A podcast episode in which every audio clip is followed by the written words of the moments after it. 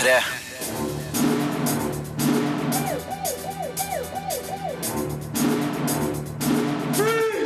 Filmpolitiet! What's your name, dude? Uh, Birger Vestmo. What kind of stupid name is that? Star Trek Beyond er en grei romopera, men engasjerer bare så vidt over middels. I det kreative spillet Grow Up er roboten Bud ut på nye eventyr. Serien Bedrag er en ny dansk finanstriller i nordisk noir-sjangeren. War Dogs er en småmorsom film om våpenhandel, og Bound er et vakkert spill som ikke helt klarer å leve opp til sine kunstneriske ambisjoner. Det her og mer til får du i denne utgaven av Filmpolitiet anmelder film.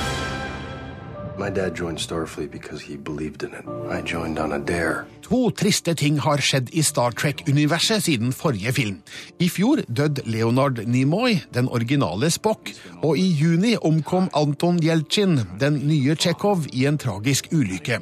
Det første dødsfallet gir visse ringvirkninger i historien. Det andre dødsfallet påvirker hvordan vi ser på den spill levende Tsjekhov. Det her gir Star Trek Beyond en emosjonell tyngde som den dessverre trenger. For ellers er regissør Justin Lins film bare så vidt over middels engasjerende. Den er åpenbart inspirert av seriens røtter, tilbake til Gene Roddenberrys TV-serie fra 1960-tallet. Deler av filmen er litt stillestående og fattig på handlingsfronten. Når det først bryter løs, er Star Trek Beyond en grei romopera, men den bleikner mot en konkurrerende filmserie som òg har Star i tittelen. Really there, huh? Romskipet USS Enterprise drar på et redningsoppdrag til en ukjent planet. Der venter en ukjent fare, nemlig slemme Krull, spilt av Idris Elba, og hans hær, som tar store deler av mannskapet til fange. Kaptein Jim Kirk, spilt av Chris Pine, Spock, spilt av Zachary Quinto, Chekhov, spilt av Anton Yeltsin, Scotty, spilt av Simon Pegg, og McCoy, spilt av Carl Urban, er blant dem som unnslipper. De må kjempe for å redde mannskapet sitt, komme seg vekk fra planeten og stoppe Kralls skumle planer. Our captain will come for us. Mercy will be the last thing on his mind. I am counting on it. En skurk spilt av Idris Elba er sjølsagt interessant å se på, sjøl om figuren hans virker litt business as usual når linjene mellom det gode og det onde trekkes opp. Krull fremstår nemlig som en ganske standard romskurk. Star Trek-figurer som beveger seg rundt i et steinat landskap på en ukjent planet, er òg en gjenganger fra mange Star Trek-historier. Det er på mange måter prisverdig at manuset, signert Simon Pegg og Doug Young, er tro mot seriens røtter, men jeg har likevel en sterk følelse av å ha sett det her før, når jeg heller ønsker å oppleve noe nytt. It isn't uncommon, you know. It's easy to get lost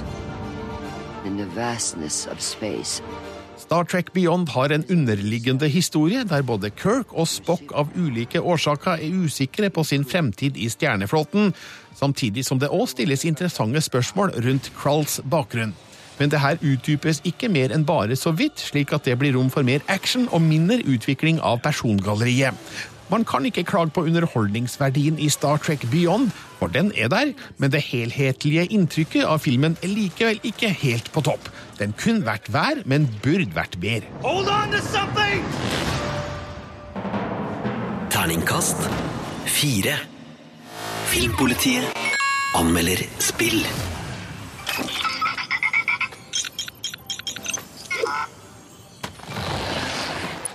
Nå skal det handle om spillet Grow Up, som er utgitt på Xbox One, PlayStation 4 og PC. Og det har du testa, Marte Henstad. Ja, det stemmer. eh, Og det her er jo oppfølgeren til Grow Home. Men eh, det spillet har jeg ikke spilt, så dette her er mitt aller første møte med den røde lille roboten Bud, som er på tur i universet. Ja, og hva er det Bud driver på med, da? Nei, altså Bud han krasjer med et eh, meteorregn, eh, sånn at han eh, krasjlander på en planet. Og så må han da farte rundt og finne vrakrestene av moderskipet sitt, som heter Mam.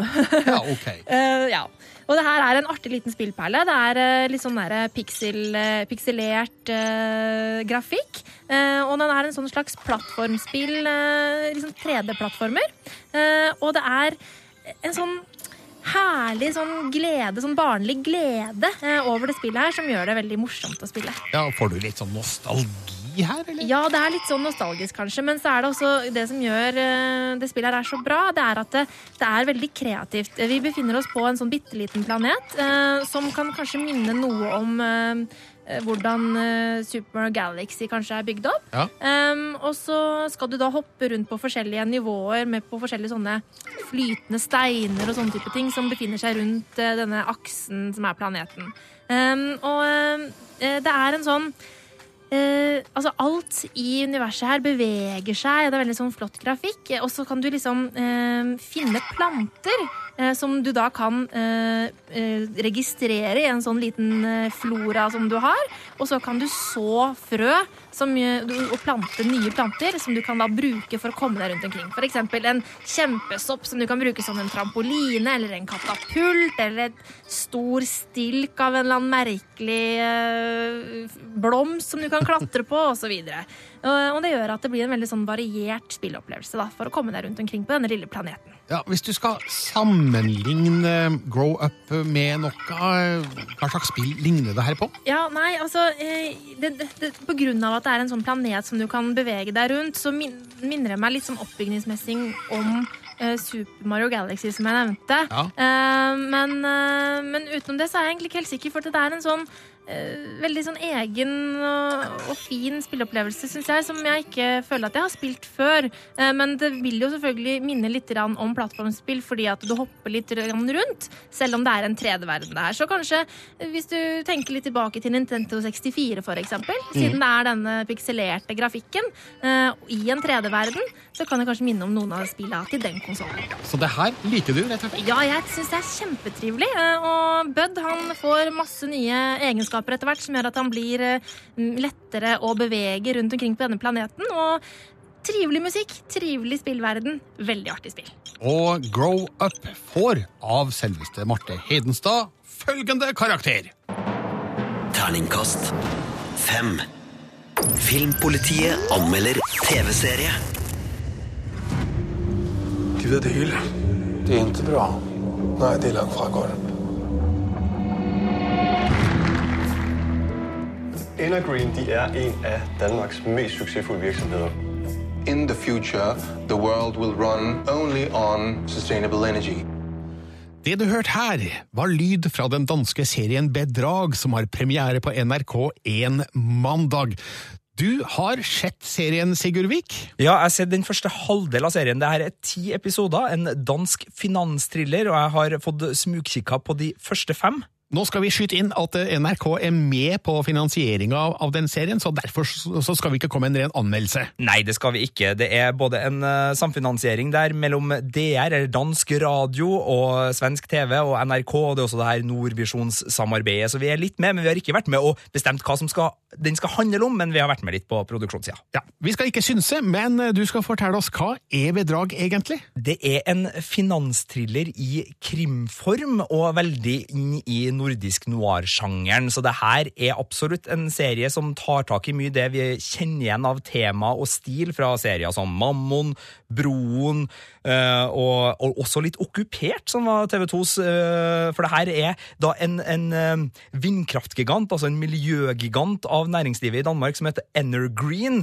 som har en toppsjef som er kanskje litt mer skruppelløs enn man liker at toppsjefer skal være. Og så er det et drap, selvfølgelig, altså et lik som finnes, og så er det en politietterforskning, og så er det noen jurister som jobber i det her selskapet som begynner å fatte litt mistanke, og så blir det en ganske sånn intens thriller av det hele, hvor eh, det jobbes i ulike klasselag, hvis man kan bruke noe sånn, fordi eh, her er det både på en måte elitedivisjon med næringslivstopper og overklasse.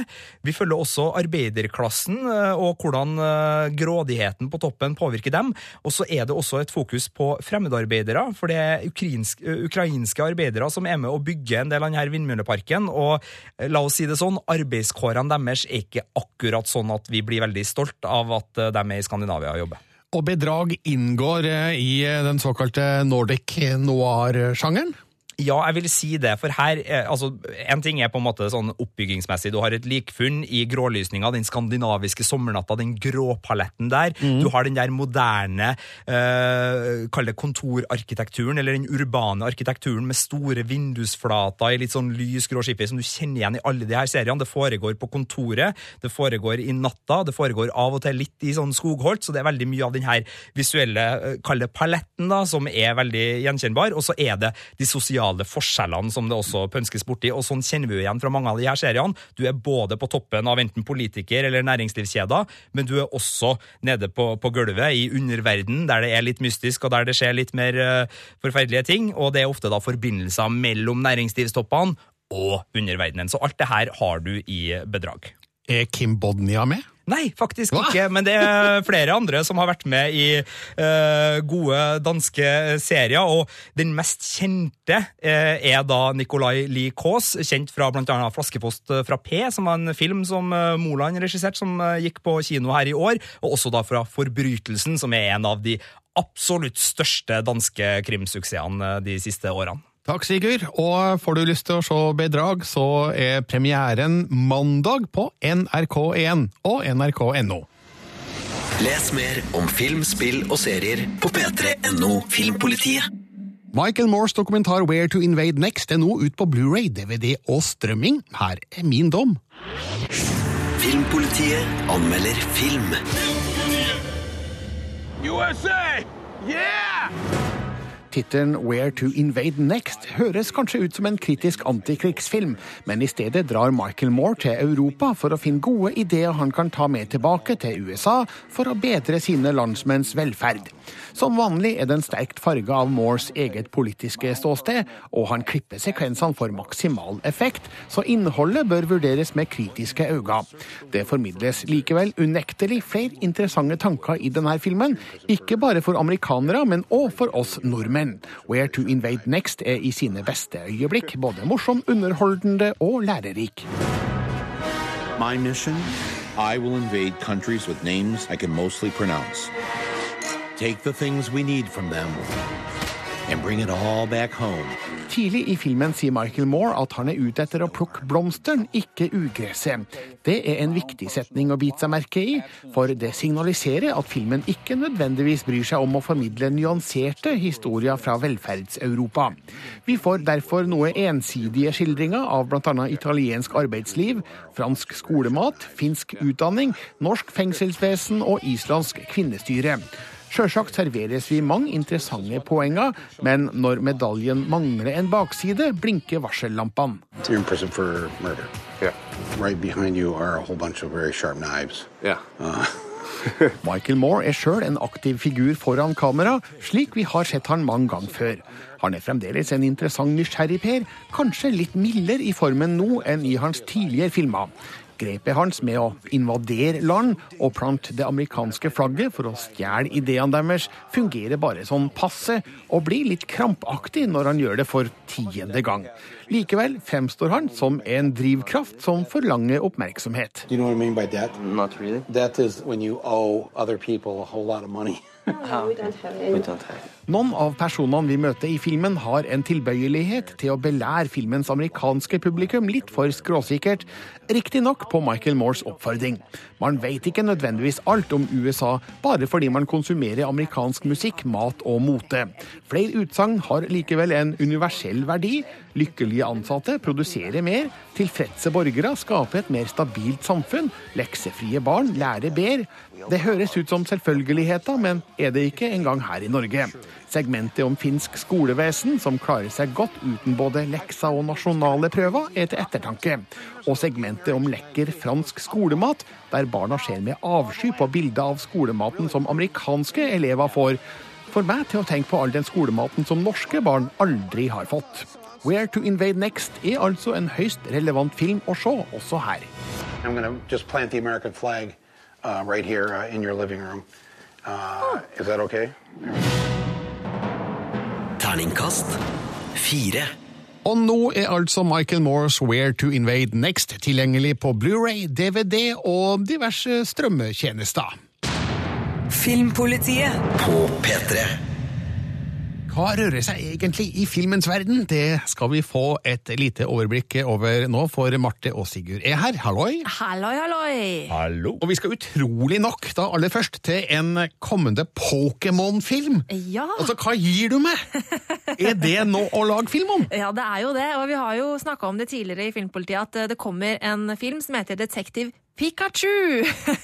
Ja. Som handler da om eh, detektiven Pikachu, som er en eh, veldig rar tegneserie, tror jeg det er, fra Japan, som bare det er japanske folk som kjenner til. Eh, Men Så jeg har vært litt sånn skeptisk til hele den filmen der. Men nå er det da altså kommet en nyhet om at Nicole Perlman og Alex Hirsch er i negotiations, som det heter så fint, for å skrive manuset til Detektiv Pikachu. Og nå uh, hørte jeg 250 000 skuldertrekk rundt om i, land, i landet. Hurch. For hvem, hvem i all verden er det, da? Nei, du, dette her er jo eh, folk som har jobbet med Guardians of the Galaxy, og det Oh. er jo en fantastisk film, det kan vi alle være enige om. Ja, Nicole Perlman har skrevet Guardians of the Galaxy-manuset sammen med regissøren der, så jeg regner jo med at hun har skyld i veldig mye av det som er kult med den filmen. Jeg ser for meg at hun har insistert han må ha den kassettspilleren, og det her må være låtene på den. Ja, ok da. Eh, og Alex Hurch er jo en eh, animatør av eh, rang, og en, en kul dude som har jobba med litt Disney-serier og litt Ja. forskjellig sånn, så det her virker jo veldig lovende. Jeg er mye mer gira på Detektiv Pikachu-film nå enn jeg var da vi snakka om den sist, for da hørtes det bare litt ut som melking av Pokémon Go, men det her kan jo bli kjempeartig. Apropos, gå inn på Filmpolitiets Facebook-side og se videoen fra sist helgs Torukon Ja. i Trondheim. For der var det en veldig søt Pikachu Ja. En nydelig lita jente som har kledd ut. Veldig, veldig smelt. Ja. um, over til Will Ferrell og John C. Riley, som jo har spilt sammen eh, før i Talladega Nights og Step Brothers. Ja! De har det! De er kjempeartige, begge to! Ja. Oh, boats and hoes, hose, boats and hose! Gotta get me some boat okay, Og nå, skal de rett og, og nå skal de rett og slett spille Sherlock Holmes og Dr. Watson. Det skal komme en komedie om uh, den mesterdetektiven fra Baker Street. Filmen skal het Holmes and Watson, og regien er da av Ethan Cohen. Og til alle dem nå som blir kjempegira Å, skal en av Cohen-brødrene Nei da, det her er Get Hard-regissøren oh, Ethan nei, Cohen. nei. Altså som, uh, Ethan i forhold til Ethan. ja, der har man Veldig den fonetiske eh, forskjellen er, på de to. det, det er Paul Thomas Anderson og Paul W.S. Anderson. Ja, det er det- den forskjellen der. Det er noen forskjeller. Men Altså, Get Hard var ikke veldig bra, Sigurd. Nei, du ga den terningkast tre. Men altså, ok da, Get Hard var kanskje ikke kjempebra, men de har jo gjort helt nydelige ting sammen, Will Ferrell og John C. Reilly. Jeg syns de er kjempeartige. Jeg, altså, fra old school så har liksom Will Ferrell vært kongen i min bok, via Starsky and Hutch-rolla. Han har hatt uh, semi-pro, han har hatt masse fint. Og John C. Reilly, òg. kjempeartig fyr, i Dew, uh, Walk Hard, Dewey Cox Story. Han har gjort så mye kult, så det her gleder jeg meg skikkelig til. Jeg syns de er skitartige.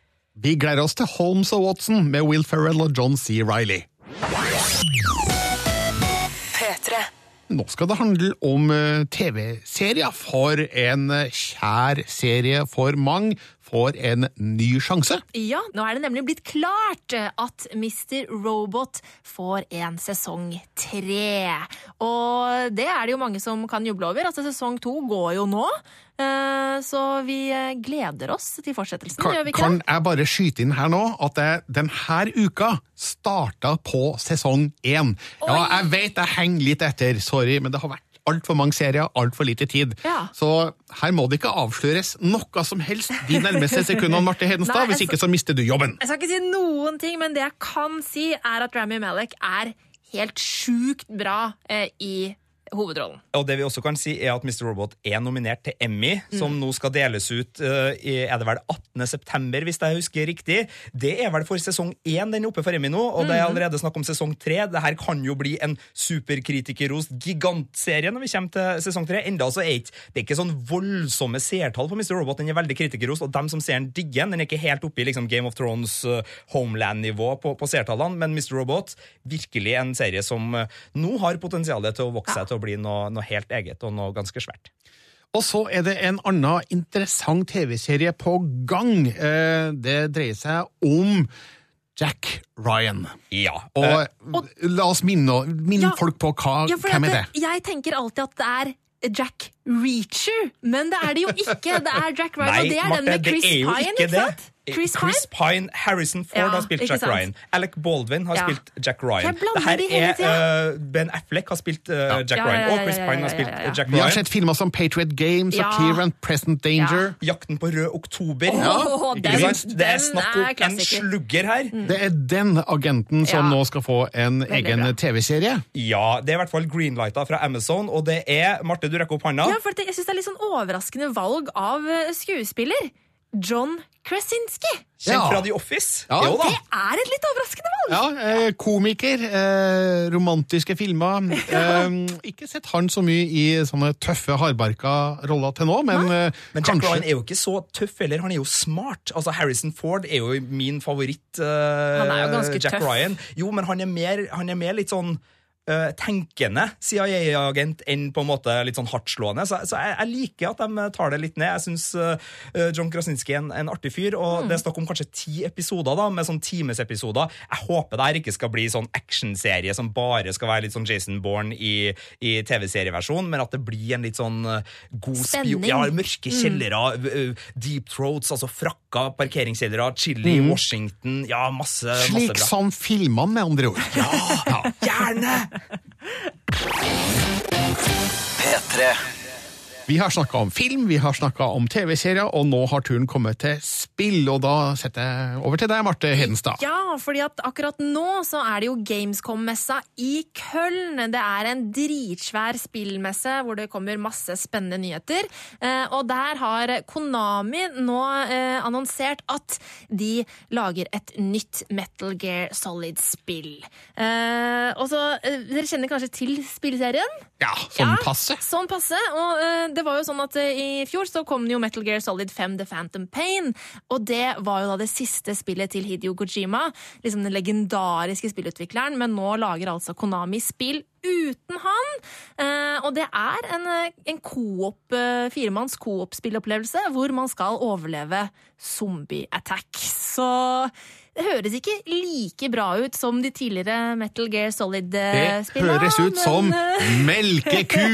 Høres litt ut som melkeku, men eh, de har sluppet en trailer eh, på spillet, så man kan jo sjekke det ut sjæl. Eh, ellers er det en annen litt sånn interessant nyhet. Fordi eh, at under E3-messa i juni i år så eh, avslørte jo eh, Microsoft eh, den neste konsollgenerasjonen sin, som de kaller for Project Scorpio. Veldig kult navn. Ja, det et, jeg regner med at det er et arbeidstittel eh, på den konsollen. Jeg håper det skal stå Scorpio i stua mi om noen år. Scorpio. Men, men nå har da markedssjefen i Xbox, Aaron Greenberg, sagt at fremtiden er uten konsollgenerasjoner. Eh, og han har da sagt eh, følgende We think that the ability to build a library, a community, to be able to iterate with the hardware We're making a pretty big bet on that with Project Scorpio. At er på, vi er på vei mot en tid, en fremtid, uten konsollgenerasjoner. Eh, og det han da snakker om her, er at Project Scorpio da visstnok har så utrolig kraftig hardware at det på en måte det ikke er noen hindringer, det er ingen begrensninger for utviklerne der, sånn at spill og software kan på en måte utvikle seg videre i årevis, selv om hardwaren ikke byttes ut. da. Så, Så- ja. Øh, de vil ikke lenger ha pengene våre, er det det? Nei, det interessant tankegang, men det er jo sånn, Microsoft jobber jo hele tiden mot å på en måte viske ut det skillet mellom eh, PC og konsoller. Sånn at nå driver de og prøver da å finne en, en måte å oppdatere konsollene på uten at man må kjøpe en ny en, sånn som det er i dag. Ja, Men disse oppdateringene vil jo da sikkert koste flesk. Helt sikkert. Um, helt til slutt, mens vi fremdeles snakker om spill, er det noen som spiller Pokémon Go lenger? Ja, eh, men eh, det, det er ikke like, like på en måte hyppig. Men det eh, du på, spilles fortsatt. Eh, det, det vil jeg ikke si, for det er for dårlig. Okay. Jeg har begynt med jojo, som er min sommercraze okay. i 2016. Filmpolitiet anmelder film.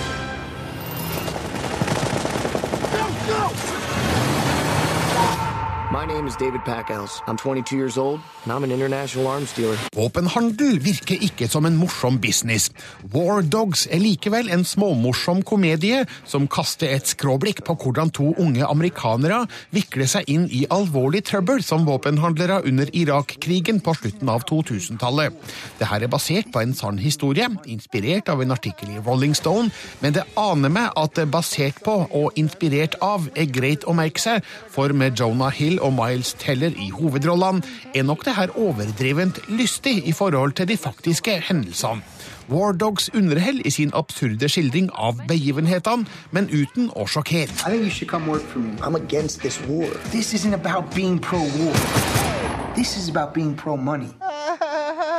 Filmen fortelles gjennom David Packhouse, spilt av Miles Teller, som strever med å brødfø kone og barn som massør i Miami Beach. Så får han kontakt med barndomsvennen Efraim Diveroli, spilt av Jonah Hill. Han selger våpen til den amerikanske hæren, som legger alle sine innkjøp ut på anbud. David blir med på virksomheten, og de konsentrerer seg om småtteriet på anbudslista, som likevel kan gi god inntjening. De prøver seg imidlertid på stadig større anbud med tvilsomme forretningsmetoder, som gir dem potensielt farlige utfordringer. How did two 20-something young men land a $300 million Pentagon contract? Regissør Todd Phillips er mannen bak Hangover-filmene, og sjøl om War Dogs ikke er en crazy komedie, har den litt av den samme tilnærminga. Mørk tematikk og alvorlige hendelser skildres med en humoristisk snert som gjør dem, om ikke ufarlige, så i hvert fall tilsynelatende mindre alvorlige. Historiens utgangspunkt, der vanlige folk helt lovlig kan delta i våpenhandel, har et absurd skjær over seg, noe Todd Phillips utnytter til fulle i filmen. David og Efraims opplevelser og handlinger er underholdende på en hoderystende måte. War Dogs gjør ikke inntrykk som setter varige spor. Det er mer en retter absurd fisk på land-historie enn et angrep på det enorme overforbruket i den amerikanske krigsmaskina. Det fins bedre og mer sofistikerte filmer om våpenhandel, som f.eks. Charlie Wilsons War med Tom Hanks og Lord of War med Nicolas Cage, som diskuterer denne bransjens manglende etikk og moral på et helt annet nivå. War Dogs er likevel en forholdsvis morsom og underholdende komedie med gråsvart humor. Is this safe driving to Baghdad? Very safe. 50-50. Terningkast fire. Filmpolitiet anmelder spill.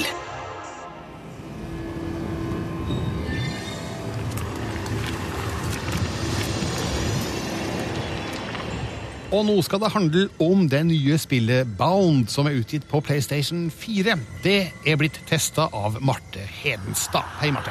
Hei, Birger. Jeg må innrømme at når jeg hører tittelen Bound, så tenker jeg koffert.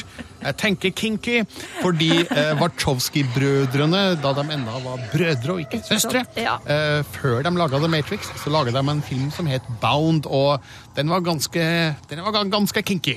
Men det her Men, men dette er noe helt annet. Det er noe helt annet. Dette her er eh, en, eh, en vakker spilleopplevelse som på en måte går over i eh, grenselandet til kunst. Eh, så det er ikke noe kinky ved dette i det hele tatt. Eh, det er et spill som forsøker å gjøre litt sånn på samme måte som Journey, og gi deg en sånn sjelelig opplevelse og noe sånn åndelig nesten over det.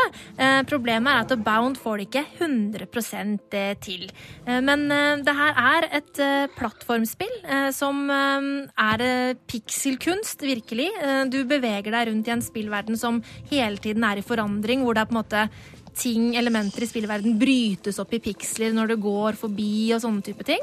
Um, og så spiller du en prinsesse eh, som skal redde dronningens eh, rike fra et monster. Eh, og grunnen til at jeg sier at det er noe som på en måte kan minne litt om Journey, er at eh, hele dette universet foregår inni sinnet til en kvinne. eh, Og at det virker som at det her er på en måte en kamp som foregår inni hennes hode. Så det er noe sånn der sjelelig og eksistensielt over det, men den klarer ikke helt å på en måte bli det det prøver å være, da. Hva er det du savner her da med Bound? Nei, det er litt fordi at jeg føler at spillet er litt forbundet i plattformsjangeren. Um, og um, at den klarer ikke helt å gi, gi seg helt hen eh, til den derre bare det å ta inn inntrykk og bare gå rundt og på en måte oppleve ting. Eh, du blir tvunget inn på en spesifikk vei, eh, og ofte så, så låses kameraet i en gitt posisjon, sånn at du får et sideskrollende eh, spillunivers, f.eks. Um, så den klarer på en måte ikke helt å løsrive seg fra det. Uh, og det gjør at man på en måte ikke kan gi seg helt hen til på en måte handlingen i, uh, i spillet. Da. Så du får, du får, liksom ikke helt den samme opplevelsen som man gjorde med Journey. Uh, men det er et veldig, veldig vakkert spill. og hun prinsessen som du spiller, hun er en danser. så hun, alle bevegelsene hun gjør, er en dans. Altså hun, hun tar piruetter, hun hopper, hun liksom sjasserer seg forbi. Um, og det var noe som imponerte meg veldig med en gang. Uh, for det ser jo veldig flott ut. Og så når hun på en måte for eksempel skal gå over en smal sti, så liksom balanserer hun sånn veldig danserisk over der. Og så når hun skal gå på en kant inntil en vegg, så liksom danser hun seg rundt inntil den veggen. Uh, men etter hvert som man spiller det, så ser man at det er de samme tingene som går igjen hele tiden. At hun har på en måte et lite knippe bevegelser som hun utfører igjen og igjen. Og da blir ikke på en måte dansen like interessant lenger, da. Er Bound rett og slett et litt eh, kvinnelig spill? Ja, du, det, det var kanskje det, Altså, for at hvordan spillet er utviklet Det kan kanskje se litt sånn kvinnelig ut, og hun er veldig feminin, hun danseren. Eh, og det får jo som sagt går også inne i et kvinnesinn, men uh, det er ikke det at det er ikke et spill bare for kvinner, det vil jeg ikke si. Fordi det er en, vakker opplevelse uansett. Men det når på en måte ikke helt opp, for det klarer ikke helt å gjennomføre det det prøver å være, men absolutt verdt å teste likevel. Det er i hvert fall ikke en hvit muskelmann som skal redde det, dronninga fra monsteret denne det gangen. Det er det ikke. Og Bound får Terningkast fire. Filmpolitiet på P3. Vi skal snakke om norsk film her i Filmpolitiet, fordi tidligere denne uka ble høstens norske premierer presentert fra Norsk Filminstitutt. Og vi skal se litt på det som er på lista her, Marte og Sigurd. Og allerede neste uke så starter det med Løvekvinnen, som åpner filmfestivalen i Haugesund på søndag, og har premiere fredag om en uke. Noen som har lest boka? Ikke lest boka. Nei. Jeg har bare sett bilde av damen med mye hår i fjeset. Ja, for det her handler da om uh, ei jente som blir født med langt hår på kroppen. Etter en roman av eh, Erik Fosnes Hansen, det her, så det boklesende publikum er sikkert spente. Og det er vi òg, siden den åpne filmfestivalen i Haugesund, og ja, det er jo litt, eh, det litt stas, da. Forhåpentligvis. Ja. Cave avslutter filmfestivalen i Haugesund, og ja, det er kanskje litt mer i vår gate, Sigurd? Du, det her er absolutt i min gate. Jeg har sett traileren, det virker veldig lovende. Det er snakk om grottedykking, det er snakk om det jeg tror er eh, kappkjøring ned Trollstigen. Det er snakk om litt sånn Indiana Jones uncharted-vib, og så ja. er det eh, Henrik Martin Dalsbakken som har regi. Han har allerede laga en film i år. Han hadde Sensommer, som jeg syns var en veldig fin film, på forsommeren. Og nå kommer han da også med Cave. Jeg syns det virker lovende. Det syns jeg også. Mm. Filmfestivalen i Haugesund skal også vise dokumentarfilmen Magnus om en viss sjakkspiller, og den gleder mora di seg til, Marte? Mamma hun elsker Magnus Carlsen. Hun klarer ikke slutte å snakke om hun har begynt å spille så mye sjakk, så kanskje jeg må gå på kino med mamma, rett og slett. 9. september, Gråtass gir gass, og den kan barna få kose seg med. Samme dag har Rose Marie premiere, den nye fra Sara Johnsen, kjent for Vinterkyss og Uskyld. Og Upperdog. Upperdog, ikke minst. Ei. 16.9 kommer Gilberts grusomme hevn, som er en eh, barnefilm. 23.9 da er det klart for en av høstens storfilmer i norsk oh. sammenheng, nemlig Kongens nei fra Erik Poppe. Det blir spennende, altså. Ja, Der har tittelen endra seg litt, for den heter vel Tre dager i april. Eh, altså Kongens nei, kolon, Tre dager i april, eh, en liten periode. Men det er da altså tre døgn, tre dramatiske døgn om da vår, vårt monarki sier nei til tysk invasjon, så det ljomer etter. Og så 7. oktober Med hjertet i dansen, som er en dokumentarfilm. 12. oktober Burning 2. Og vel, eh, vi, vi, skjønner jo hva det dreier seg om. Ja. Eh, jeg har en gang fått fortalt eh, hvordan Burning 2 skulle starte, og jeg vet ikke om det er sånn den kommer til å starte. Eh, så jeg kommer ikke til å avsløre det her, men hvis den starter slik jeg har blitt fortalt, så er det en genial start. Men det skal da på vinteren, er det ikke sånn? Eh, Det er vinterkjøring eh, det her, ja, så det blir full fres på isen 12. oktober. 21. oktober, Barneraneren, som er en dokumentarfilm. Eh, Samtidig eh, Supervention 2, som også er en dokumentarfilm med skikjøring. Eh, Og så kommer det et par interessante barnefilmer mot slutten av året. Snekker Andersen og julenissen 11. november, og Dyrene i Hakkebakkeskogen 25. desember. Og i hvert fall Hakkebakkeskogen, da slår jeg ut i full nostalgi. Ja, enig. Eh, Og er det ikke Katzenjammer som har musikken på den? Det tror jeg nok det er noen derfra som har vært inn og, og nyinnspilt låter som 'Når en pepperkake baker, baker sine pepperkaker', osv. osv. Det blir trivelig, altså. Et kilo mar margarin? Ja. Vi kan slå fast at den norske filmhøsten 2016 den er mangfoldig og interessant. The Brothers Grimsby er ut på Blu-ray, DVD og digitalt, og her er det jeg mener om den. Filmpolitiet anmelder film. Who the hell are you? Your brother. Took me 28 years. And I finally found you. Oh my god. How about a kiss? I'm not on the lips. I'm not from London. Sasha Baron Cohens nye film er dømt til å dele publikum. Jeg havner på den positive sida. Grimsby er full av sjarmerende vulgaritet, der de groveste scenene er de aller morsomste. Det er ting i denne filmen jeg skjemmes over å ha ledd av. Dessverre har det nå et broket manus som sliter med å henge sammen, flere vitser som ikke fungerer, og en litt kjølig kjemi mellom Cohen og Mark Strong i hovedrollene.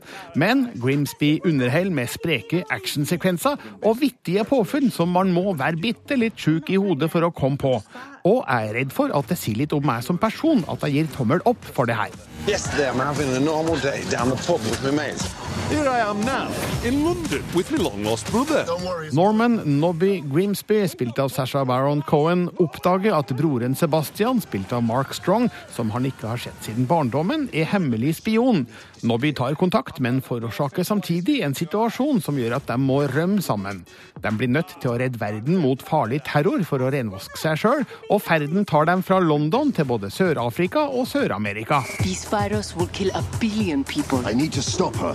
Sasha Baron Cohen er både en av manusforfatterne og produsentene, i tillegg til at han spiller den ene hovedrollen. Her spiller han på lag med Englands lavere arbeiderklasse, men gjør narr av dem på samme tid.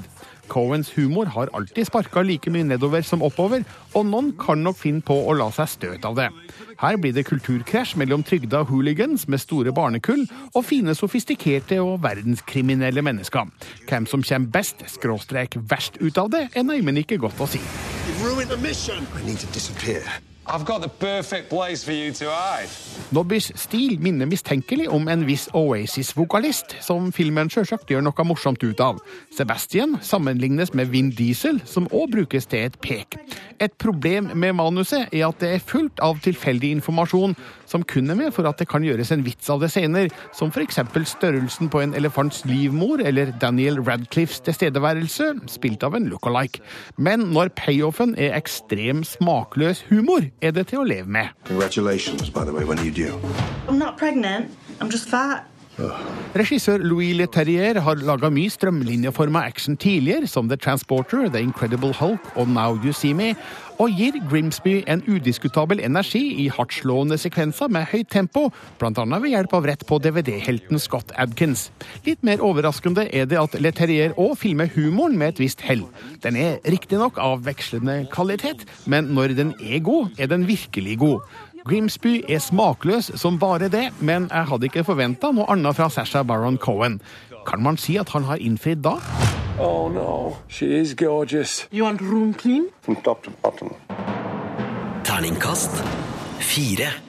Og hvis du gikk glipp av The Brothers Grimsby på kino tidligere i år, så har du nå en ny sjanse. Den er ute på Blu-ray, DVD og digitalt. Filmpolitiet Med Birger Vestmo. på P3. Hør flere podkaster på nrk.no podkast. P3.